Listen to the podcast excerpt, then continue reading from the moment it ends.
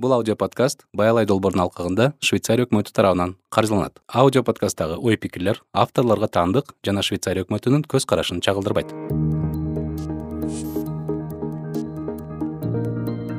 Эл ичинде кездешчү адемий буюмдарындагы ар кандай формадагы мазмуну терең сайма көчөттөрү азыр да көнөрбөй келет. Дал ушул көркөм кол өнөрчүлүгү менен аректенген даана гүл эже менен таанышабыз. Саламатсыздарбы?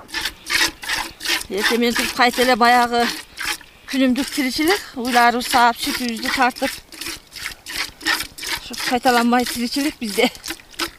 Анын арасында сайма сайууга да жеткенсиз ооба ортолукта сайма саям шырдак шырыйым таар согом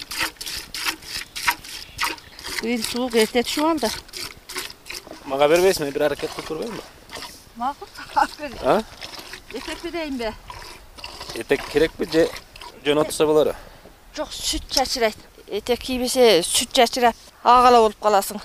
Ошо этек халаттарды кийип алып саайбыз да? Бирден эмчекти кармаганда колуңуздун дасти жетпей калат. Манjakта мындай узун сыдырсаңыз өтөт э биздин үй сааганыбыз жактуу. Жайында келип жайлоого чыксаң болгудай. Биз жазы кышы саайбыз үйдө. Жайында жайлоого. Нар жак эмчегин сай берсең аркасы дагы ал бир эмчек өзү сал катыгыраак. Кыйын нерсе экен. Колдоруң талып калат экен. И күн дагы суук деги эле кол муздаганы бир колуң катып калганы эки экен да.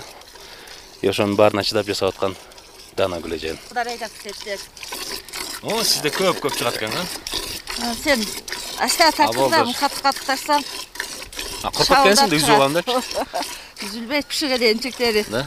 Муну бышырып тартабыз каймак кылабыз. Коркпой катуу катуу тарта бериш керек экен да? Ооба анан узун узун тартыш керек экен туура ооба узун кылып сыдырып тартсаң өдөдөн паска сүт көп сүт сыдырып түшө берет.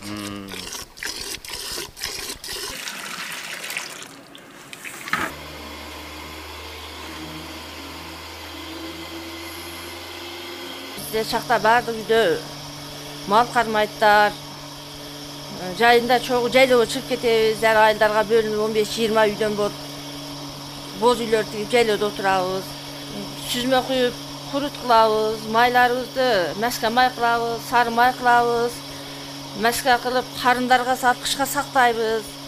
Андан тышкары дыйканчылык кылабыз. Картошка эгебиз буудай арпа баардык ишти чогуу бүтүрүп бири бирибизге жардам берип эле иш кылабыз. Ооба балдар да ушу бизди көрүп тарбия алсын деп ушу өзүбүздүн жолубузга салып жатабыз. Көбүрөөк жазында суу сугараттар чөп чабаттар картошка чабат качка сугарат эркектердин көпчүлүгү сугат бош убактыбызда малды эртең менен даярдап сүт бүтүбүздү жыйынтыктап алып ортолукта бош убактыбызда сайма саябыз шырдактарды тигебиз таар куруп таар согобуз койлордун жүнүн өзүбүз кыркып алып жибирийбиз кийиз кылабыз. Койлорду козуларды мен өзүм эле кыркам. Балдар барып кырксын дебейм. Мал караганча эле койлорду козуларды өзүм кыркып алам биздин эркектерибиз билбейт кой кырканды постоянно өзүм кыркам койду да козуну да. Мынчалар тийишип калат данагүл менен жарышкыла барып аркада каласыңар деп. Кийиз кылып алып боз үйлөрдү жабабыз шырдактарды кылабыз жибирип таарларды килемдерди согобуз. Мен бир бурап көрбөйүнбү mayli болот ооба тартып бер. катыгыраак бурайсыз катуураак э катуу бураш керек өзүң сааган сүттөн өзүң каймак жасап чыккан каймактан май жасап. Май жасайбыз майдан жанагындай чабатыларды жасайбыз каттама жасайбыз өзүбүздүн кыргыздын улуттук тамактары. Болду бүттү бүттү токтойбу токтой берсин мына достор эртең менен туруп уйду саадык каймагын тарттык шырдак. Шырдакка жээк дейбиз шырдакты жээк дейбиз азыр э ооба. Шырдакты биз жаңы койлордун жүнүн кыркып тытып жууп тытып кийизди кылып ana ушундай оймолорду жасайбыз шырдактарды азыр оймолордун баарын өзүңүз жасап чыккансыздар ооба? Ооба өзүм жасап өзүмдүн колумдан чыккан шырдактарды жасап кыздарга сеп кылабыз өзүбүздүн үйлөргө салабыз. Көбүнчө биз боебой натуральный кылып жасайбыз. Кол өнөрчүлүк сайма саюу сизге каяктан келген? Бул мен өзүмдүн апамдан үйрөнгөнмүн. Менин апам өзү ушу чебер аял эле апам үйрөтүп кеткен энеден кызга өтүп экен э демек ооба энеден кызга өткөн мурас экен бизге. Менин дагы кызым үйлөнүп жатат. Жээктеримди чыйратып берет. Жээкти өзүм ийип берем кызым жанында отуруп чыйратып берет. Анан өзү тиккенге дагы кызыгат сен кичинесиң деп мен ончо иш кылдырбайм мурдакылардан айырмасы барбы мисалы сиздин энелериңиз тигип жүргөндөн азыркылардын айырмасы. Мурдагылар менен азыркылардын айырмасы бар. Мурда биздин энелерибиз бул шырыктарды дагы бирден жүндү ийирип алып жүн менен шырып чыккан жүн жип менен. Биз азыр машина менен эле баягы магазин жиптери менен шырып коебуз дагы жээктерди колдо ийирип коюн жүнүнөн басабыз. Айырмасы ошол олор колдо шырыган. Ош таар кечте фестивалга барып саймадан биринчи орунду алып грамота алып келгемин таар боюнча дагы ошол фестивалга катышып биринчи орунду алып келгемин азананы жасап атасыз. Бул буйртмабы жок мен өзүм эле үйгө жасап салайын деп жасап жатам үйгө? Э ооба. Мына деги эле буйртмалар каерден көп чыгат кыргызстанданбы же чет өлкөдөнбү Жок, буйртмалар бизге азыр көбүнчө эле өзүбүздүн айылдан эле. Анан чет жакалардан майда сидушка баягы отургучтар майда шырдактар гана заказ болот. Биз чоң мана чоңдору өзүбүздүн айылга гана айылдагылар кыздарга сепки ошолорго заказ кылышат. Ошондо эмне жасайсыздар көбүрөөк? Көбүрөөк. Шалча. Шалча. Ооба шырдак жерге салган.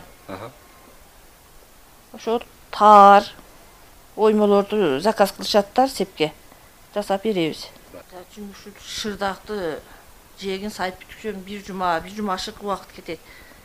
Ортосун гана муну дагы чеке ууланып чет салынат ого дагы бир жума бир ояк бuyogу бир айда бүтүрөбүз да. Өзүбүз бак коюп алганбыз. Бир метр квадратын эки миңден жасап беребиз жүндү ийирип андай кылып кабаттап чыйратып алышың керек. Ийне жип кайчы ошолорду даярдап алып эле сайма сая бересиң. Ошондо жип ийриткени мен андай тактайча алышым керекпи Үйткени өзүм жасап аламбы ийикти өзүң эле жасап аласың. Ийик керек болот экен бизге. Ийик керек болот. Ийикти өрүктөн жасабасаң жакшы болот. Өрүктөн жасап таштан ийик баш жасатып аласың салмактуу болуш үчүн. Ийик баш болбосо ийик айланбайт. Ийик баш салганда салмак ташып ийик жакшы айланат. Жипти каяктан алам? Жипти койдун жүнүнөн ийирип аласыз да анан өзүңүз ийире албасаңыз бирөөлөргө заказ берсеңиз жасап берет. Канчага жасап берет мисалы? Бир кило жип ийритсеңиз беш жүз сомго ийирип даяр кылып берет. Бир килограммды беш жүз сомго ийип берет. Анан ошол ийрилген даяр жипти даяр жипти өзүңүз сая бересиз натуральный кылам десеңиз натуральный кыласыз анан боек кылам десеңиз чоң казандарга боектор бар салып боеп бир боек канча турат? Бир боекту биз кашыгын отуз беш сомдон алабыз. Бир кашык отуз беш сом а? Ооба.